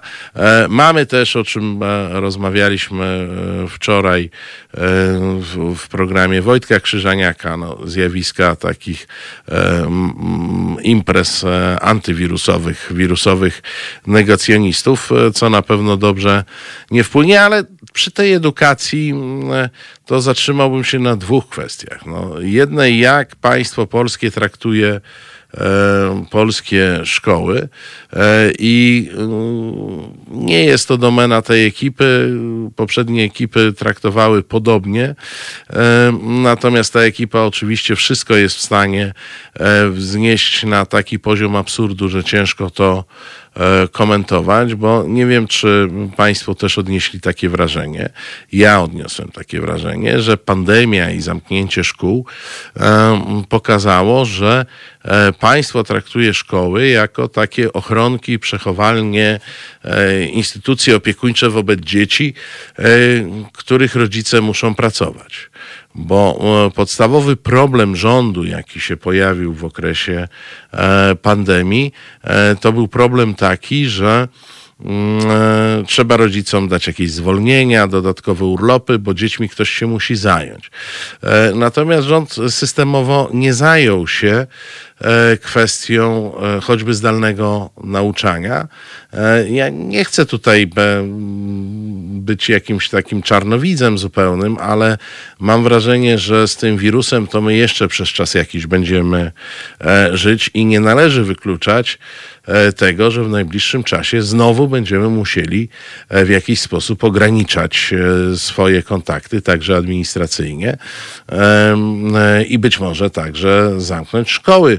Więc mieliśmy ładnych parę miesięcy na to, żeby na przykład przygotować odpowiednie narzędzia do nauczania zdalnego, a nie tak jak to się działo E, nie zostawiać tego jako problemu nauczycieli czy dyrektorów szkół, bo oni e, w zakresie swoich po prostu nie mają pewnych możliwości. I to się sprowadzało do tego, że uczniowie często e, po to, żeby mieć pięć lekcji, korzystali z czterech komunikatorów, bo komunikatory były związane z tym, gdzie nauczyciel czuł się w miarę pewnie, więc jedni to robili przez WhatsAppa, inni przez Messengera, inni przez Skype'a, a jeszcze inni e, przez Zooma, czy jakieś bardziej skomplikowane aplikacje e, e, konferencyjne. On się tym nie zajął, a przecież nic prostszego, jak na przykład E, zrobić przetarg albo skorzystać z tych wszystkich ścieżek bezprzetargowych, które sobie PiS wyrąbał ustawodawczo w ostatnich e, czasach i stosunkowo niewielkim kosztem w skali budżetu za parę milionów złotych zrobić aplikację, która by e, spełniała funkcję i nie tylko nadawczą, ale także interaktywności w prowadzeniu lekcji. Nie, rząd się skupił na tym, co, co zrobić z tymi dziećmi, żeby rodzice nie musieli się nimi opiekować, o funkcji edukacyjnej szkoły i o tym, że jakaś część dzieciaków wypadła z systemu edukacji dzięki, dzięki e, takim, a nie innym e, kolejom losu. Jest jakaś grupa dzieci zapewne wykluczonych cyfrowa, jest zapewne grupa dzieci, która z chęcią e, opuściła szkołę, korzystając z tego, że przez Messengera tak do końca sprawdzać się tej aktywności nie da. No tak, pan Robert pisze, że swoją drogą taki system do nauczania powstawał, powstał. Jaki był w tym udział rządu polskiego? Ja tu mówię o bierności, o bierności rządu w tym zakresie. Ale w zamian za to dostaliśmy takie informacje jak ta o, o której już tutaj mówiłem, a mianowicie, że e, e, będą e, klasy o profilu disco polo e, w Podlaskim, a muszę Państwu powiedzieć, że wczoraj czy przedwczoraj e, zupełnie e, wbiło mnie, wbiła mnie w ziemię informacja, że w pewnej szkole w Słupsku powstaje profil łowiecki. Tak, proszę Państwa, nie przesłyszeliście się. E, profil łowiecki, czyli to będzie, e, jak, jak czytałem z opisu, więc to będzie tak taka klasa e, licealna, w której będą się e, uczniowie uczyć o broni myśliwskiej, czyli będą e, uczyć się odróżniania dubeltówki od sztucera, czy jakiegoś tam innego akcesorium. Będą uczyć się, jak skutecznie zabijać zwierzęta. Będą uczyć się czegoś, co jest nazywane tradycją łowiecką. E, I powiem Państwu, że no, z jednej strony powinienem się spodziewać, a z drugiej strony mimo wszystko szczęka mi e, opada. Bo e, faktycznie w ostatnich latach za sprawą PiSu, ale także części opozycji, bo tutaj to PSL-u, o Kukizie też trzeba e, wspomnieć, myśliwi stali się taką nadzwyczajną kastą, e, której możliwości realizowania tego, co oni nazywają pasją, choć ja mam na to e, e, trochę mniej cenzuralne określenia, zostały poszerzone poza granice zdrowego rozsądku. To znaczy, zdaje się, że jest ich zarejestrowanych 120, mniej więcej 120 tysięcy tych myśliwych. Oni mogą w tej chwili w zasadzie strzelać do wszystkiego, co się rusza w lesie, na polach, na terenach prywatnych wszystko uchodzi im płazem. E, jest to proceder e, masowego zabijania dzikich zwierząt i niszczenia ekosystemu. Proceder, który wynika, przepraszam, i tu możecie mnie nazywać e, klasistą czy kimkolwiek, ale dla mnie to jest, biorąc pod uwagę skład, że tak powiem, społeczny tej grupy myśliwych, to to jest zaspokajanie jakichś własnych kompleksów każdy chłop chce się poczuć jak hrabia bądź książę feudalny i skorzystać z tego, co kiedyś było zastrzeżone dla warstw wyższych, czyli z polowania na, i zabijania na zwierząt. To się stało też przemysłem, ponieważ no, jeżeli się odstrzeliwuje kilkadziesiąt tysięcy dzików, to to już jest przemysł, bo, bo, bo je się sprzedaje. I no, powiem Państwu, ręce opadają. E, mniej więcej co dwa lata w Sejmie jest dyskusja na temat tego, i tu, bo tu środowiska tak zwane łowieckie e, ciągle e, wprowadzają na podobrady Sejmu kolejne projekty, które mają dopuścić udział dzieci w polowaniach. No i tu jest jakby logiczne dopełnienie i konsekwencja wprowadzenie, wprowadzenie tego profilu łowieckiego, gdzie będzie się uczniów w liceum uczyć, e, jak się zabija, czym się zabija. E, pewnie nie będzie się uczyć, po co się zabija, bo oni zabijają dla własnej przyjemności, bo jeżeli nazywają to hobby czy pasją, to rozumiem, że ich pasją jest zabijanie żywych stworzeń.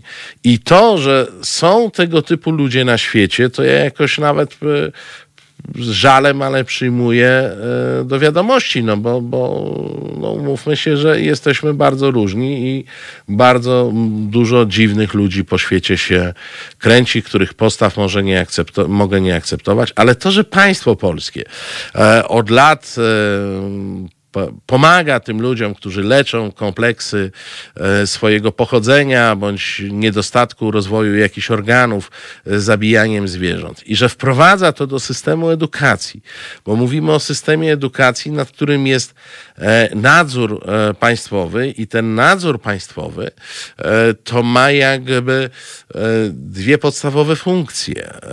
Funkcja pierwsza to jest pilnowanie, że w tym systemie edukacji była podawana wiedza, e, która wynika z nauki, e, i tu w Polsce też, jak wiecie, mamy pewien problem. Po drugie, żeby było to kształtowanie umiejętności, które dają e, pewien kapitał na przyszłość uczniowi i ten uczeń wychodzi z pewnym backgroundem, z pewną wiedzą ogólną i jednocześnie, żeby ta wiedza to były, ponieważ ona jest e, finansowana ze środków publicznych, to jednocześnie była wiedza przydatna w funkcjach społecznych. E, no, nie znam nikogo, kto byłby w stanie mi wytłumaczyć, że nauczanie o zabi zabijania żywych istot jest e, taką funkcją przydatną społecznie, e, w którą państwo polskie z moich państwa podatków powinno wyłożyć jakiekolwiek środki, albo że państwo polskie za pośrednictwem swojego przedstawiciela, jakim jest kurator, opłacany z naszych podatków, powinno za, zatwierdzić e, taki program. Bo oczywiście ci uczniowie to jest jakaś, e, jakaś przyszłość, tak? I e, ważnym jest, ważna jest odpowiedź na pytanie, kogo szkoła ma mówiąc kolokwialnie, wypuścić, czyli co szkoła daje i kogo, kto opuszcza tę e, szkołę. No to jeżeli tę szkołę finansowaną przez e, nas e, z podatków ma opuszczać człowiek, który będzie latał z dubeltówką po polach i strzelał do wszystkiego, co się rusza, a po każdym strzale jeszcze zaśpiewa sobie coś disco polo, bo też skończy ten profil disco polowy, to my, proszę Państwa, jesteśmy naprawdę nie powiem gdzie, e, powiem bardzo oględnie, w bardzo ciężkiej opresji intelektualnej, pogłębiającej się.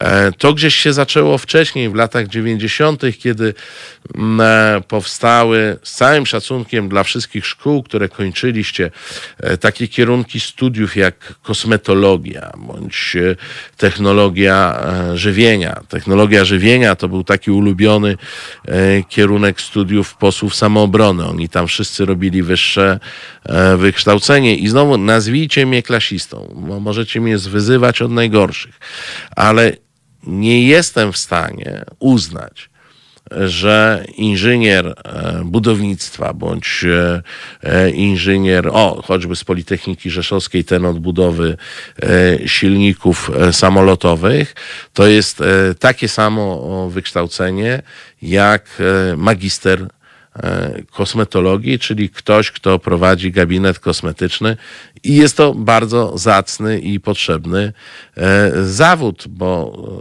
naszej powierzchowności także należy się opieka.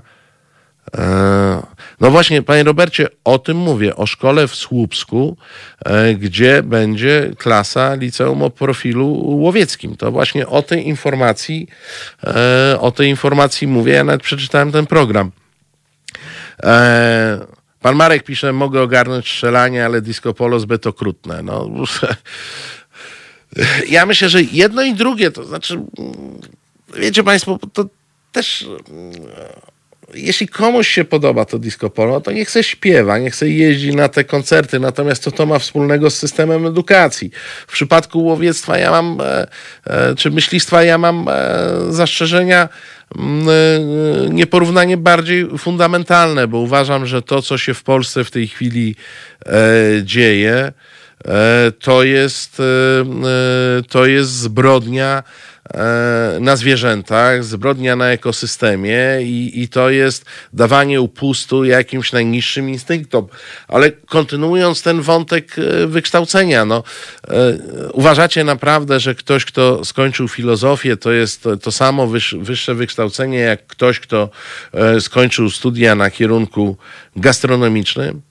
No słuchajcie, no z całym szacunkiem dla ludzi, którzy nas e, żywią e, w restauracjach.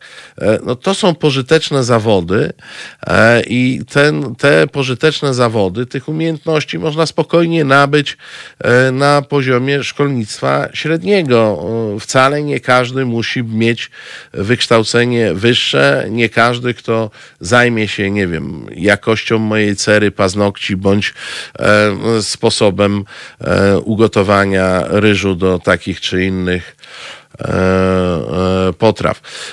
I, i to są sprowadzenie jeszcze tego właśnie disco polo czy łowiectwa do liceów, to jest w ogóle wypaczenie idei edukacji publicznej, bo, bo tak, takie disco polo mogłoby się spokojnie. Ja bym rozumiał, gdyby, e, jak on się nazywa, ten Zenek Martyniuk, tak? Otworzył prywatną akademię e, disco polo i tam adepci, żeby się zgłaszali. E, no tak, żeby adepci się e, e, zgłaszali i uczyli się pięknego, pięknej sztuki, okej, okay, to tam on sobie prywatną szkołę założy, przychodzi koleś, wykłada 5 tysięcy za semestr, e, uczy się piosenek Zenona na pamięć i, i potem je śpiewa, albo nawet kupuje sobie klawisze i komponuje mm, własne. Ale dlaczego w szkole publicznej za nasze pieniądze. E, myślistwa zupełnie nie rozumiem i raczej jest to rzecz, która powinna być w XXI wieku traktowana jako coś wstydliwego, a, nie e, coś, co zasługuje na profil w liceum. No, pani Bożena pisze, że absolwentka kosmetologii otwiera dziś nie gabinet kosmetyczny, tylko Akademię Paznokci albo Instytut Rzęs i Brwi. Okej, okay, no e, wiecie państwo, ja też, bo to zdaje się, że nie wiem jak gdzie indziej, ale w Warszawie to trudno na przykład pójść do fryzjera, tylko trzeba iść do e, salonu fryzur, czy tam coś podobnego. Więc ja dawno nie byłem u fryzjera, tylko właśnie e, w, w salonach fryzur. Ale jak byśmy tego nie nazwali, e, nie sądzę, żeby e, ktoś, kto e, ma mi przyciąć tam trochę z tyłu, trochę z boku, musiał mieć wyższe wykształcenie. Nie stawiam takiego, nie stawiam wymogu. Mało tego, może nawet nie znać czterech języków obcych. Gdzieś żeśmy zwariowali, bo te kierunki studiów zostały potworzone po to, żeby sobie podbić e, statystyki wyższego wykształcenia, no ale to jest jednocześnie fałszowanie tych statystyk. Bo jeszcze raz powtórzę, ja nie widzę tutaj, e, żeby, e, żeby to było jakoś porównywalne. Ten magister filozofii ten magister kosmetologii. ten inżynier od silników lotniczych i, i ten specjalista od gastronomii i układania e, menu. Z całym szacunkiem, z całym szacunkiem, proszę Państwa, dla tych zawodów bardzo e, pożytecznych i, bardzo, e, bardzo e, e, potrzebnych. Na to wszystko jeszcze się nakłada, nie wiem, czy Państwo widzieli, e, to też a propos edukacji. Ja widziałem w sieci krążą e, zdjęcia z podręcznika e, WOŚP, e, czyli wiedzy o społeczeństwie e, dla pierwszej klasy liceum bodajże. E, Tam się e, pojawia coś, co się nazywa piramida Masłowa.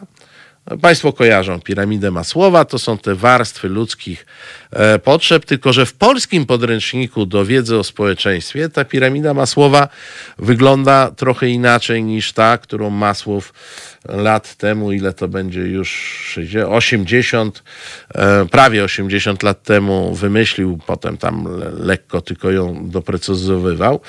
E, Otóż e, pojawiła się w podręczniku do wiedzy o społeczeństwie dla klas pierwszych e, licealnych, pojawiła się dodatkowa warstwa w piramidzie e, Masłowa, czyli do tych e, warstw, które zna każdy, kto zna mm, e, tych potrzeb mm, człowieka, które zna każdy, kto widział piramidę Masłowa, od tych potrzeb niższego rzędu, fizjologiczne, bezpieczeństwa i tak dalej.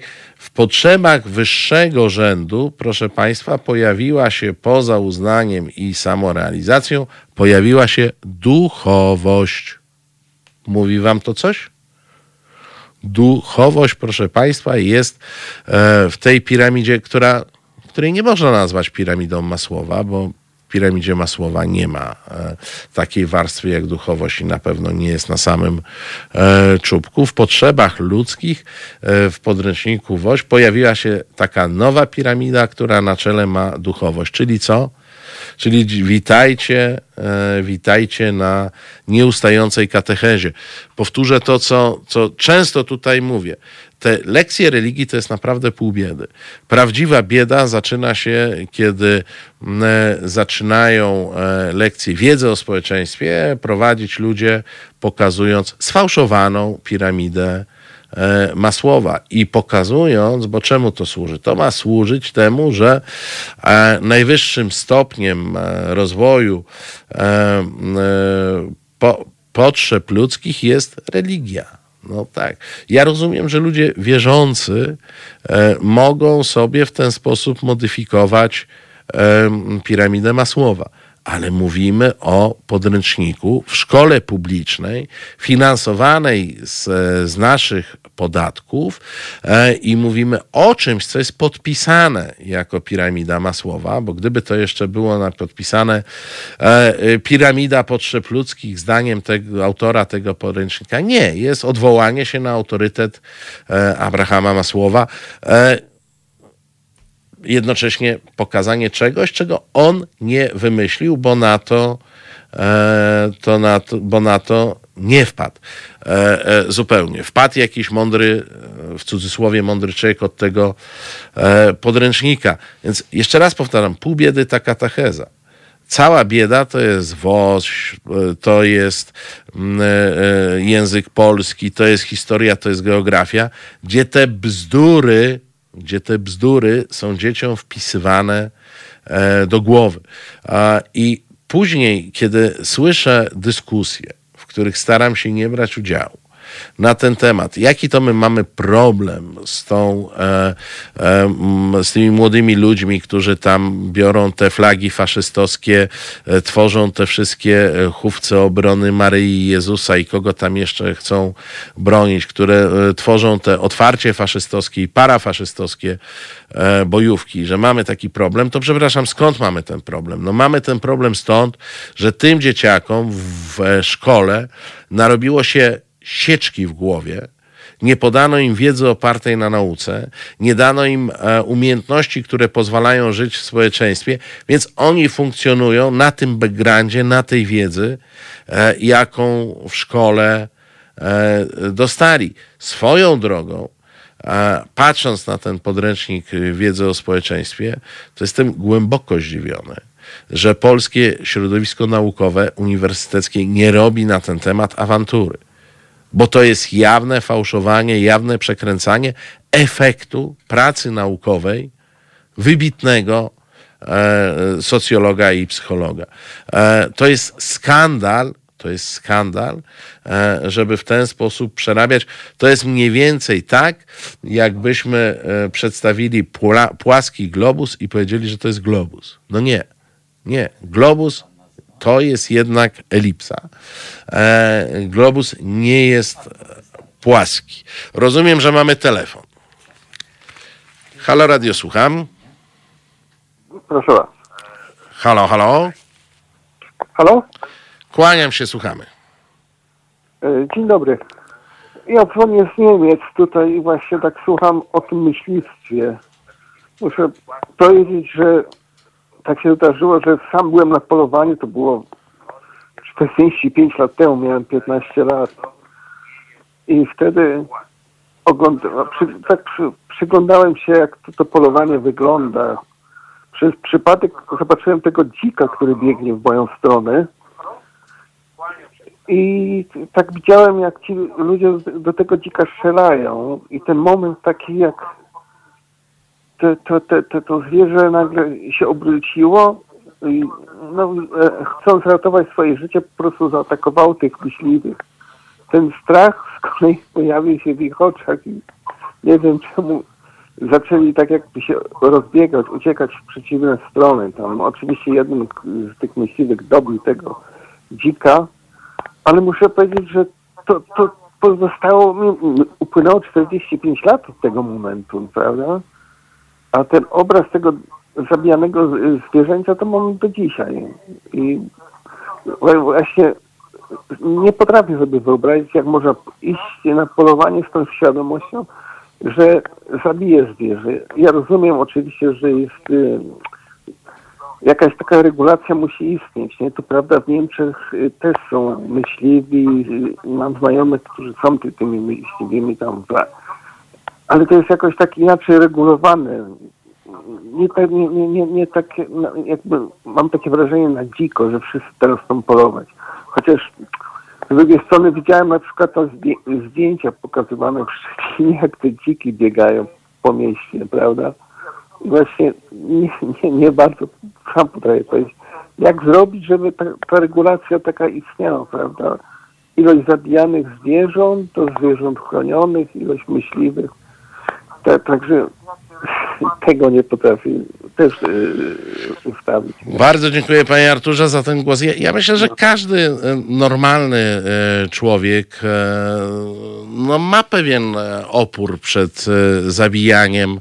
E, naturalny opór. No, wydaje mi się, że to wynika z naszej natury, że my nie, nie jesteśmy stworzeni, nie- jesteśmy stworzeni, skonstruowani psychicznie do tego, żeby zabijać dla przyjemności, chociaż część z nas to robi, więc każdy normalny człowiek ma opór przed zabijaniem. Niektórzy tego oporu nie mają i ja tu cały czas się czepiam tej władzy publicznej, bo e, to, że ona wspiera ten margines, który po prostu cieszy się tym, że zabija, jest czymś chorym.